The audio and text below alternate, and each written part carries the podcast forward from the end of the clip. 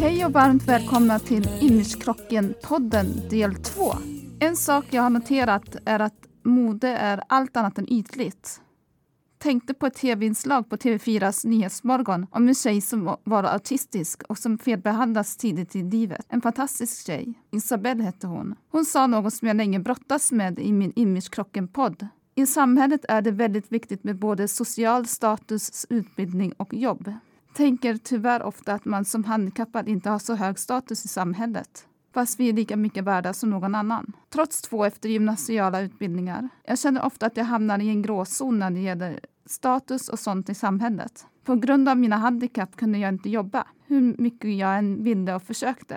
Jag fick tidigt ont i kroppen och fick till slut bland annat frozen shoulder. Jag kunde inte ens klä på mig själv där ett tag. Jag ville ju jobba och vara som alla andra, men det gick verkligen inte här i botten min imagekropp. Det syns inte att jag är handikappad, bland annat på grund av hur jag klär mig, för mig, får jag samhällets förväntningar emot mig. Jag är för handikappad för att fixa det där sociala spelet fullt ut och därmed ett jobb. Men jag har bra papper så att säga med flera högre utbildningar. En stor del av mig vill göra som Greta Thunberg sa i Skavlan, att man som diagnosmänniska borde strunta helt i det sociala spelet. Tyvärr är min erfarenhet att det kan slå tillbaka mot dig själv om du gör det för mycket. Och är det värt energin det tar att vara annorlunda och ständigt bearbeta konsekvenserna det tar att inte engagera sig i det sociala spelet? Det är inte värt det enligt mina erfarenheter. Därför vill i alla fall jag inte förstärka mina handikapp genom att inte bry mig om hur jag ser ut eller genom min klädsel och smink utan mer smälta in i, det där, där det går att smälta in.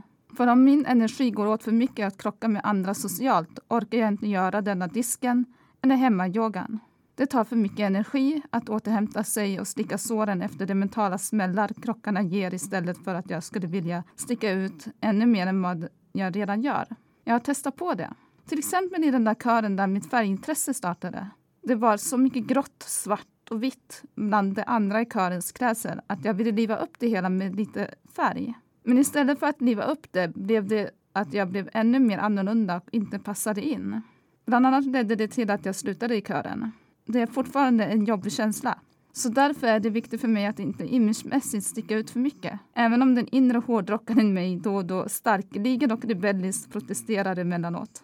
I boken Modemanifestet fick jag upp ögonen för ett mer hållbart tänk kring kläder. Det kanske är ett för stort mål, men tack vare böckerna Modemanifestet och Modevetenskap tänkte jag ha som mål att inte köpa fler klädesplagg. Ge bort och slänga kan jag inte för att garderoben är för fin och ny för det. Dessutom bor jag mycket litet och har inte plats för mer kläder. Jag har också som mål att verkligen använda alla plagg jag har. I boken Modevetenskap lärde jag mig att man genom mode kan påverka sin sociala position. Kanske förväntas man klä sig sämre för att man har en lägre status i samhället. Begår jag något fel som vill se vardagssnygg ut och har fina kläder på mig? Går jag emot bilden om hur handikappade ska vara bara för att jag bryter mot diverse osynliga skrivna regler. Det tycker inte jag. Jag har lika stor rätt som en kvinnlig chef att vilja se bra och vettig ut. I boken Modevetenskap handlade ett kapitel om en Facebookgrupp där gruppmedlemmarna köpte och sålde second hand-varor av varandra och hur det påverkade köplusten. Jag har inga sociala medier som Instagram eller Facebook och tydligen kan man bli väldigt påverkad. Framförallt av det som heter guldkant i vardagen. För många i de grupperna var en guldkant i tillvaron för att känna sig vardagssnygg. Vardagen blev så mycket finare och roligare då. Men det ledde också till att vissa köpte mängder av kläder som de knappt använde. För mig är guldkant i vardagen när en dag går som planerat utan att någon katastrof har inträffat. Förut var vardagen full av små katastrofer. Det har lugnat ner sig nu, när jag får lunchen och promenaderna gjorda till exempel. Med hjälp av de modeböcker jag har läst har jag omvärderat mitt sätt att se på mode. För mig har det nästan blivit ännu viktigare att hitta min egen stil utifrån min utbildning, handikapp och ålder. Samt lite musiksmak också.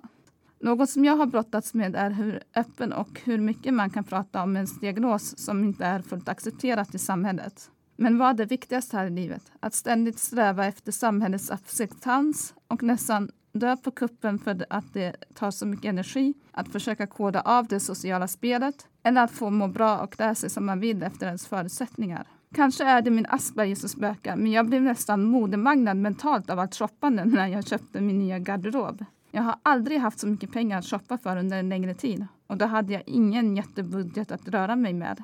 En långsiktig plan jag hade med min garderob var att det bara skulle vara att ta fram för dagen och känslan rätt outfit. Inte behöva grubbla och lägga energi på den ständiga frågan vad jag, jag skulle ha på mig. Den energin behövde jag till annat. Som delvis handikappad behöver jag ständigt fundera på vad jag ska lägga mina energier på så att jag ska orka och hålla. Då vill man inte att något som kläder ska ta en så stor plats i livet. Jag vill kunna göra andra saker i mitt liv än att ständigt grubbla över kläder. Så en långsiktig plan var att köpa kläder som man kunde sätta på sig utan att behöva tänka allt för mycket på ämnet i fråga. I gymnasiet insåg jag någonstans att kläder faktiskt höjde min status något. Jag blev rätt mobbad av en tjej i klassen och när jag inte visste om mina diagnoser verkade kläder kunna kompensera och funka som en åtgärd. På gymnasiet hade kläderna som tur var blivit mindre och tajtare och det började bli lättare att handla kläder som fungerade. Allt blev inte rätt, men mycket blev mycket bättre. Året efter gymnasiet ärvde jag lite pengar och kunde köpa på mig en basgarderob. Det var en härlig känsla att äntligen ha råd att köpa riktiga fina kläder. En lång svart klänning hade jag kvar till 2019 när garderoben rensades ut. De två åren efter gymnasiet hade jag fullt upp med att bara överleva volontäråret och au Folk kan vara rätt elaka mot den som är annorlunda. Inte alla, men många och sånt tär på självkänslan och självförtroendet. I efterhand har jag tänkt att de två åren efter gymnasiet blev för socialt utmanande för mig. Jag borde ha undvikit de sammanhangen helt och hållet med det jag vet idag.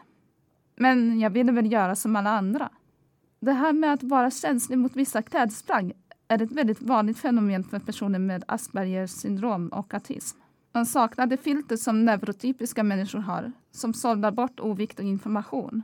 Det innebär att man hela tiden känner av kläderna.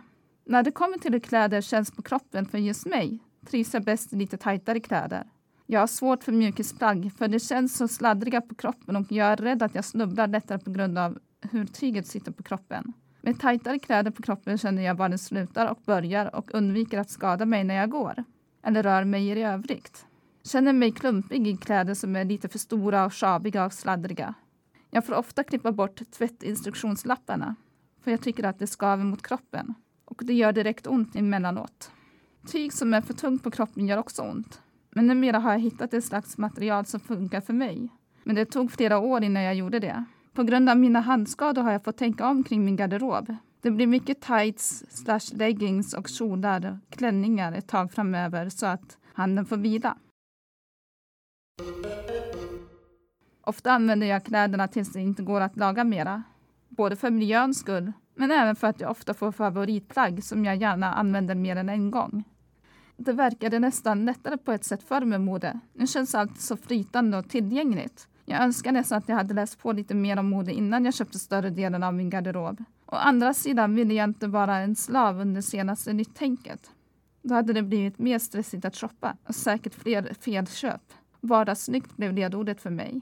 Imagekrocken uppstår när jag klär mig på ett sätt för att liksom minska effekterna och framtoningen av i alla fall mitt sociala handikapp. Nu utgår jag bara från mig själv. Men det är så jag upplever det hela att för att liksom skydda sig själv från missförstånd, mobbning och fördomar är det viktigt för mig hur jag klär mig som person. Och det är inte alltid jag orkar hantera de situationerna. Eftersom jag inte sitter i rullstol och det i övrigt inte syns eller märks direkt på mig att jag har diagnoser glömmer jag ofta själv bort detta faktum. Men det gör sig påmint i form av kroppssmärta. Går jag för hårt ut säger kroppen ifrån direkt. Med en image som känns bra för mig går det lättare att hantera omgivningens oförståelse och reaktioner. Jag har märkt att jag också blir lättare accepterad om jag trivs med min image. Jag vill ha en lagom kombination av allt i en image. En bra balans. Balans mellan att sticka ut och inte sticka ut. Mellan att uttrycka sin personlighet men inte signalera sin diagnos. Att inte bli accepterad för den jag är kan stundom kännas mycket starkt och ta mycket energi. Då känner jag att min klädsel inte behöver skrika ut behovet av att synas. Det känns helt enkelt lättare att ta sådana situationer om jag känner mig bekväm i den image jag har valt och hålla fast vid den. Inte svepas med av alla krav runt omkring en, att ständigt ha det senaste och så vidare. Jag vill känna att jag är den jag är fullt ut oavsett imagekrock. Det gör jag bland annat genom att välja min egna stil slash image och inte falla för grupptryck och rådande modenycker. Är det viktigare att passa in i mängden?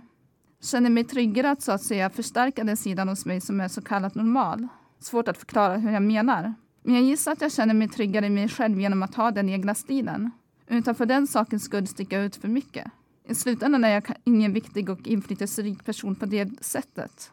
Men vill ändå trivas med mina vardagsliga kläder. Mitt ideal som liten och tonåring när det kom till kläder var pojkflickan. Sedan vet jag inte om jag levde upp till det idealet. Jag fick nog inte fullt ut för mamma. När jag som tonåring blev förälskad i hårdrocksbandet Mötley Cruz musik hade mina föräldrar inga problem med att jag lyssnade på dem. Men att klä mig som en hårdrockare? Njaj. Jag minns den första dagen ute på skolgården när jag skulle börja högstadiet. Endast en tjej till hade liknande svarta tights som jag. Hon hade jobbat som fotomodell visade det sig. Mamma och jag hade köpt kläderna i Alingsås. En stor skön lilla tröja som jag älskade och svarta tights. Alla andra hade jeans. Haha. Några saker jag tar med mig från den här poddresan är att faktiskt shoppa mindre kläder. Helst inga alls på ett tag. Mixa och matchade kläder jag redan har så behöver du inte köpa nytt så ofta. På kuppen får du den där egna stilen. Jag har kommit fram till att jag definitivt inte ska shoppa mer kläder. Bättre för både plånbok och miljö. Tänker återanvända mer av det jag har och vara mer kreativ med accessoarer. Tänkte ha som mål att klara mig i fem år på den garderob jag har. Själv satsar jag på kläder som ser ut så att jag kan ha länge.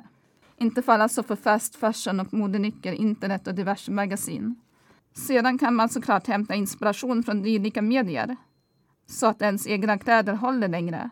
Jag har lärt mig att jag kan inspireras av modeböcker och diverse medier. Att inte bara är yta. Att inte falla för grupptryck. För i slutändan är det viktigast att du känner dig snygg i det du har på dig och lyssna inte så mycket på vad andra tycker och tänker om det. För en del är det oerhört viktigt hur man klär sig och en del bryr sig inte ett dugg. Så finns det de som vill verka som att inte bryr sig så mycket. Anledningen till att jag vill bry mig så, mycket, så pass mycket som jag ändå gör är att jag har fullt upp att överleva det sociala spel och sammanhang jag utsätts för i livet. Då vill jag inte känna mig obekväm med det jag har på mig. Jag vill känna att jag alltid har gjort mitt yttersta för att se hyfsat okej okay ut. Fördelen med att leva på ärvda kläder var att jag klarade ekonomin. Och man får verkligen den där egna stilen. Tyvärr så missade jag program som Ebba Stil tiden efter toppmodell. För att jag inte ska trösta för fort på kläderna har jag valt ett mellanting när det kommer till image. Jag har satsat på en färgstark estetisk stil. Jag är inte konstnärligt lagd så tillvida att jag kan rita och pyssla utan försöker delvis få fram det konstnärliga hos mig i form av färg på kläderna och detaljrika smycken. Hade mina handikapp synts mera hade jag säkert tänkt annorlunda kring min klädsel. Men jag sticker ändå ut på grund av att jag uppfattas som annorlunda. Jag vill ha en lagom kombination av allt i en image. Påverkar min musiksmak min klädsel? Ja, till viss del skulle jag påstå att det, för jag gillar fortfarande 60-talets kortare mode i form av kjolar och klänningar. Känner att jag som rätt liten människa har kommit till min bättre rätt när jag har kortare kläder på mig. Min musiksmak bottnar i huvudsak av en blandning av 60-talsmusik och hårdrock, även om jag lyssnar på allt utom dansband. Även om jag inte har något viktigt jobb så vill jag i alla fall jag se presentabel ut. För då vet jag att jag har gjort mitt bästa för att funka i sociala sammanhang och kan åtminstone slappna av lite i det avseendet. Det tog tid att göra denna podden. Dels för att jag i olika omgångar var i coronakarantän.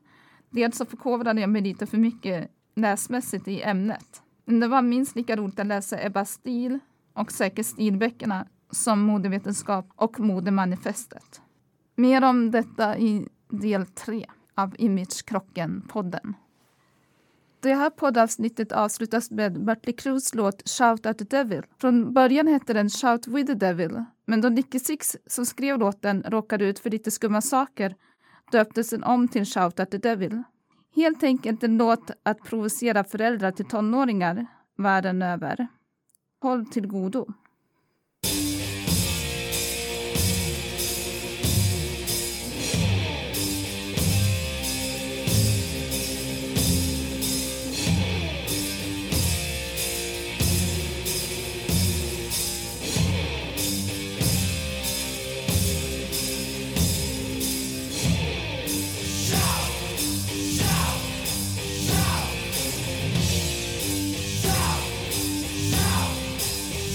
Yes!